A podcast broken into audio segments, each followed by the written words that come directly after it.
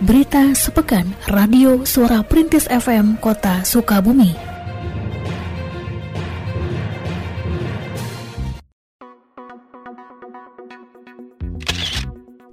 Mulai tanggal 16 Mei 2022, para pedagang kaki lima di kawasan Insinyur Haji Juanda direlokasi ke Jalan Dewi Sartika.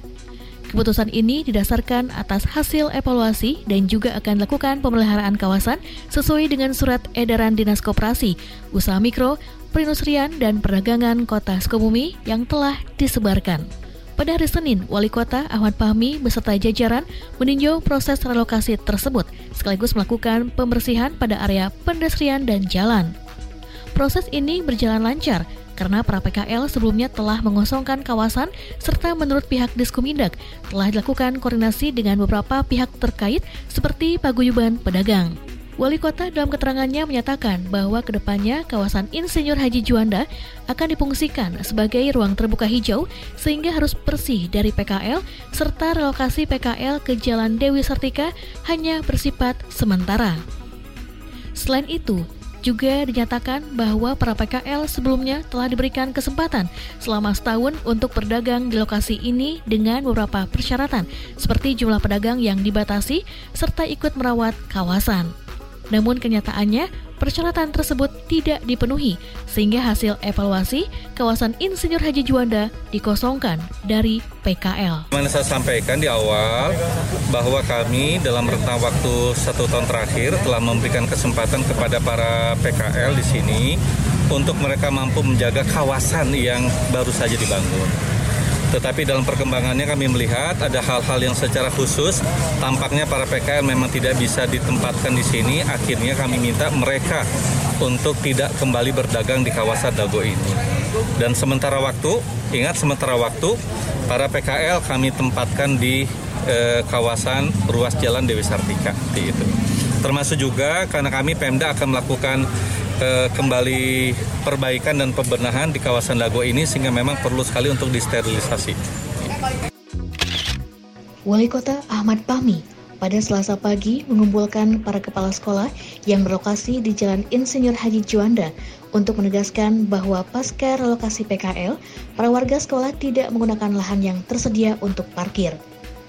Wali kota menegaskan bahwa parkir warga sekolah harus berada di dalam area sekolah. Semangat kita bagaimana lebih tertib, ya sehingga Dago ini menjadi ikon ruang terbuka hijau yang baik untuk warga masyarakat.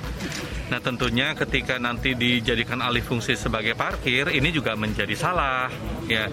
Makanya barusan saya mengumpulkan para kepala sekolah ada SMP 1, SMP 2 dan juga SMA 4. Kami minta dukungannya bahwa di depan ini bukan untuk parkir anak sekolah. Jadi mulai besok para petugas dari tiap sekolah sudah harus ada para siswa tidak boleh parkir di kawasan Dago ini. Karena parkir itu ada di sekolahnya masing-masing. Sebanyak 92 orang petugas enumerator Dinas Koperasi, Usaha Mikro, Perindustrian dan Perdagangan Kota Sukabumi dilepas oleh Wali Kota Ahmad Fahmi pada hari Selasa 17 Mei 2022 dalam kegiatan apel di Balai Kota untuk melakukan kegiatan pendataan koperasi dan usaha kecil mikro. Dalam sambutannya, Wali Kota mengatakan bahwa pendataan ini sesuai dengan instruksi pemerintah pusat mengenai SIDT, Sistem Informasi Data Tunggal, Koperasi dan UMKM yang tahun ini ditargetkan dapat memverifikasi 14,5 juta UMKM se-Indonesia. Wali Kota menegaskan pula bahwa data yang baik akan berpengaruh kepada kualitas kebijakan, oleh karena itu, ia mengharapkan pihak Diskomidak dapat melakukan kegiatan pendataan ini dengan sebaik-baiknya dengan dukungan berbagai pihak, di antaranya Dinas Komunikasi dan Informatika Kota Sukabumi. Para Kepala Diskomidak Kota Sukabumi, Ai Jamiat mengatakan bahwa pendataan ini akan berlangsung selama kurang lebih lima bulan dengan wilayah yang didata. Pertama kali adalah Kecamatan Cikole. Jadi insya Allah nanti Kota Sukabumi memiliki database uh, UMKM eh, yang lengkap yang masuk uh, terintegrasi ke dalam uh, aplikasi dari kementerian itu yang dilaksanakan kita pada hari ini dilepas oleh wali kota ya. Kemudian hari ini kita akan mendata dulu di wilayah kecamatan Cikole dulu. UMKM-nya itu sudah ada. Jadi datanya sudah ada tinggal kita memvalidasi saja memverifikasi ke lapangan. Kita tanya uh, usahanya apa, NIB-nya berapa modalnya, berapa titik lokasinya kita akan uh, update ya, kemudian uh, foto foto tempat usahanya juga kita akan update. Ya, jadi pokoknya kita akan laksanakan secara lengkap, secara lengkap sesuai dengan aplikasi yang diminta oleh Kementerian Koperasi. Ada 25 kalau nggak salah 25 item yang harus diupload di aplikasi tersebut untuk satu UMKM. Wali Kota Sukabumi Ahmad Pami membuka pelatihan pengelolaan usaha homestay dan pondok wisata pada hari Selasa 17 Mei 2022 di Hotel Taman Sari. Wali Kota mengharapkan melalui pelatihan ini para pengelola homestay dan pondok wisata dapat semakin memahami standar pelayanan yang berlaku secara internasional. Selain itu, tingkat profesionalisme dan pengelolaan pun diharapkan semakin meningkat. Ditegaskan pula bahwa sektor pariwisata merupakan salah satu andalan ekonomi baru yang dicanangkan oleh pemerintah Provinsi Jawa Barat sebagai solusi menggerakkan perekonomian pasca terdampak pandemi COVID-19. Pelatihan ini diikuti oleh 40 orang pengelola homestay dan pondok wisata dengan lokasi pelatihan di Hotel Taman Sari dan Aku Cantik Pila. Assalamualaikum warahmatullahi wabarakatuh. Uh, izin menyampaikan seizin Pak Kadis sesuai dengan tadi arahan Pak Wali Kota bahwa pelatihan ini dimaksudkan untuk memberikan pembekalan kepada para pengusaha hotel di Kota Sukabumi agar mereka memiliki standar yang sama dalam upaya meningkatkan layanan hotel. Uh, kemudian dari layanan hotel itu uh, kita mendapatkan impact yang bagus bagi pelayanan wisata di Kota Sukabumi.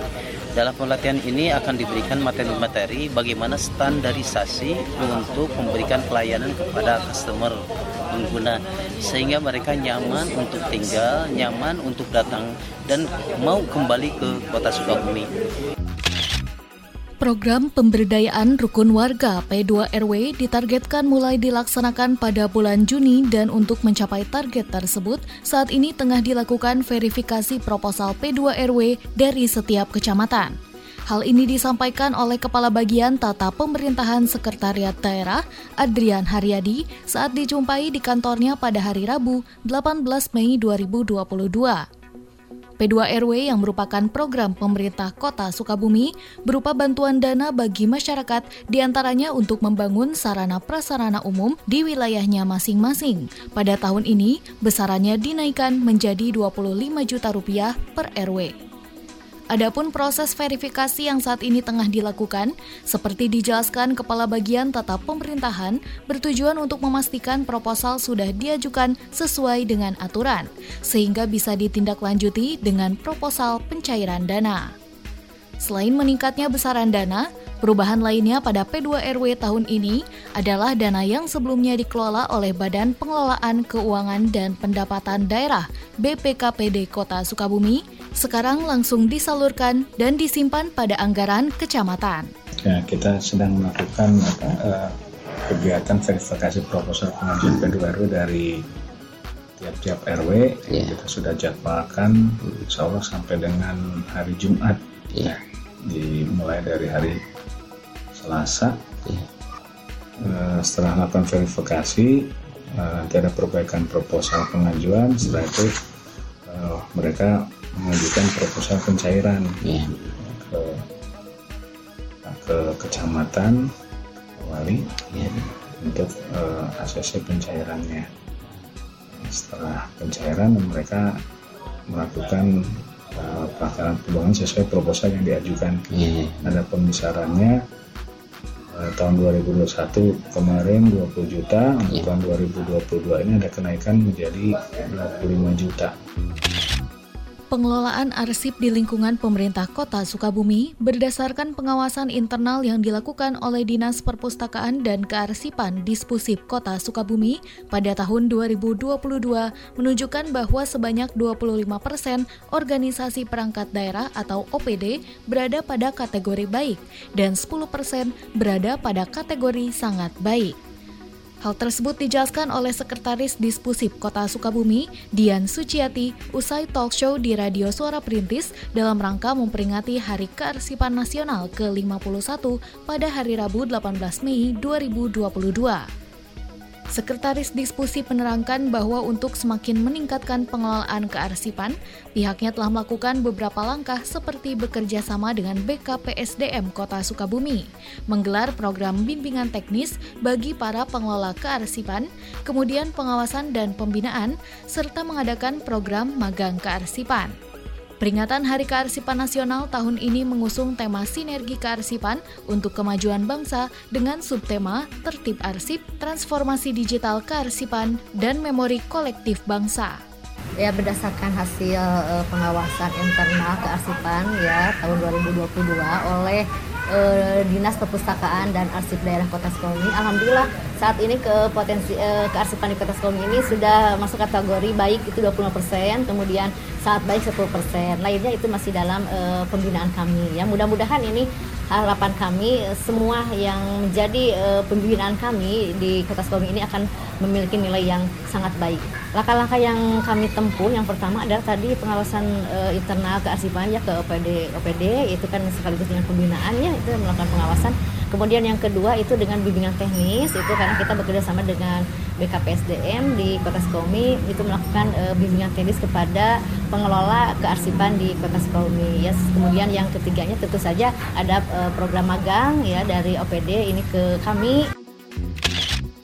Sebanyak 30 pasangan suami istri yang mengikuti sidang isbat nikah di Pengadilan Agama pada 25 Maret lalu menerima buku nikah dan dokumen administrasi kependudukan terdiri dari kartu keluarga, KTP termasuk akta lahir dan kartu identitas anak. Penyerahan berbagai dokumen tersebut dilakukan pada hari Kamis 19 Mei 2022 di kantor PKK dan dihadiri di antaranya oleh wali kota serta kepala kantor Kementerian Agama. Wali kota dalam sambutannya menyampaikan bahwa sidang isbat nikah diadakan dengan tujuan untuk memberikan kepastian hukum status perkawinan serta mewujudkan tertib administrasi kependudukan. Selain itu bertujuan pula untuk memberikan pengakuan hukum bagi keturunan setiap pasangan.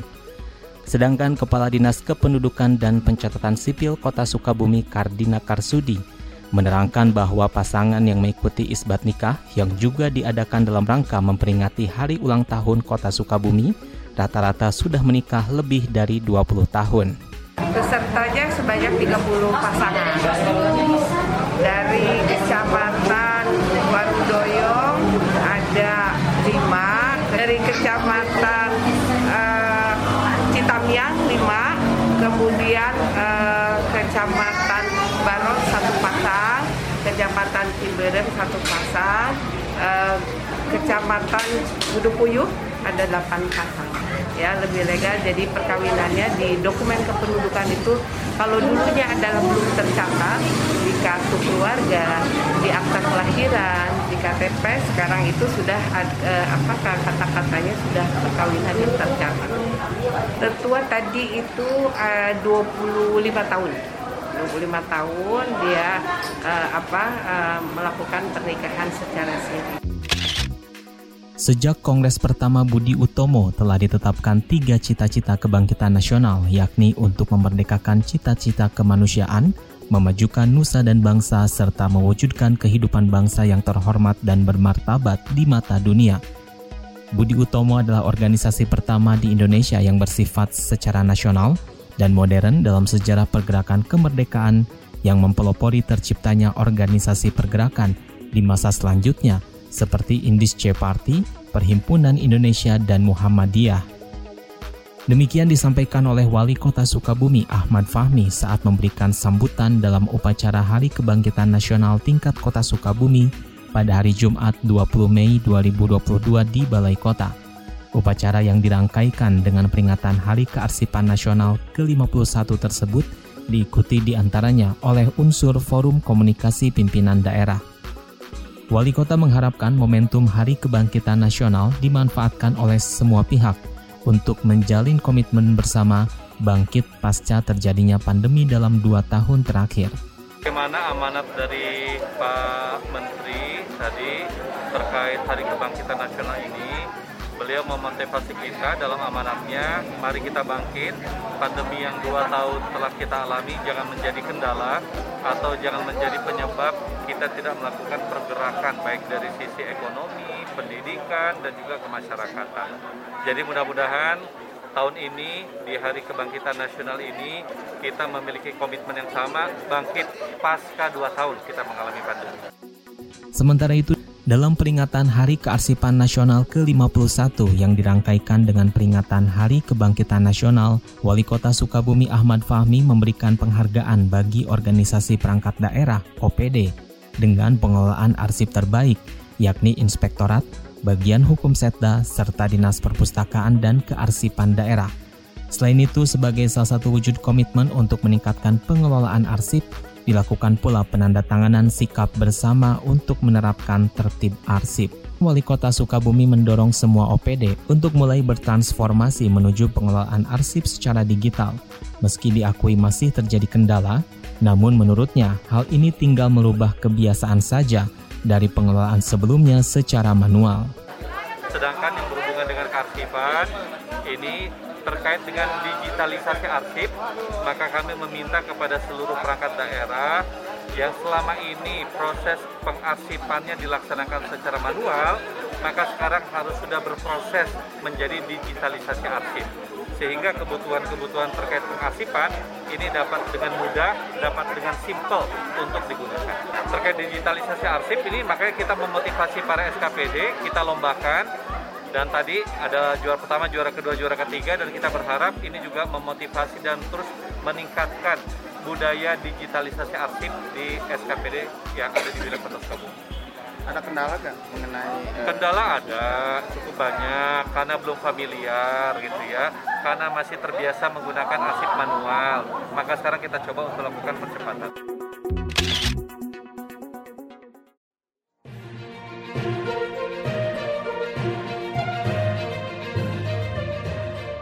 Berita sepekan Radio Suara Perintis FM Kota Sukabumi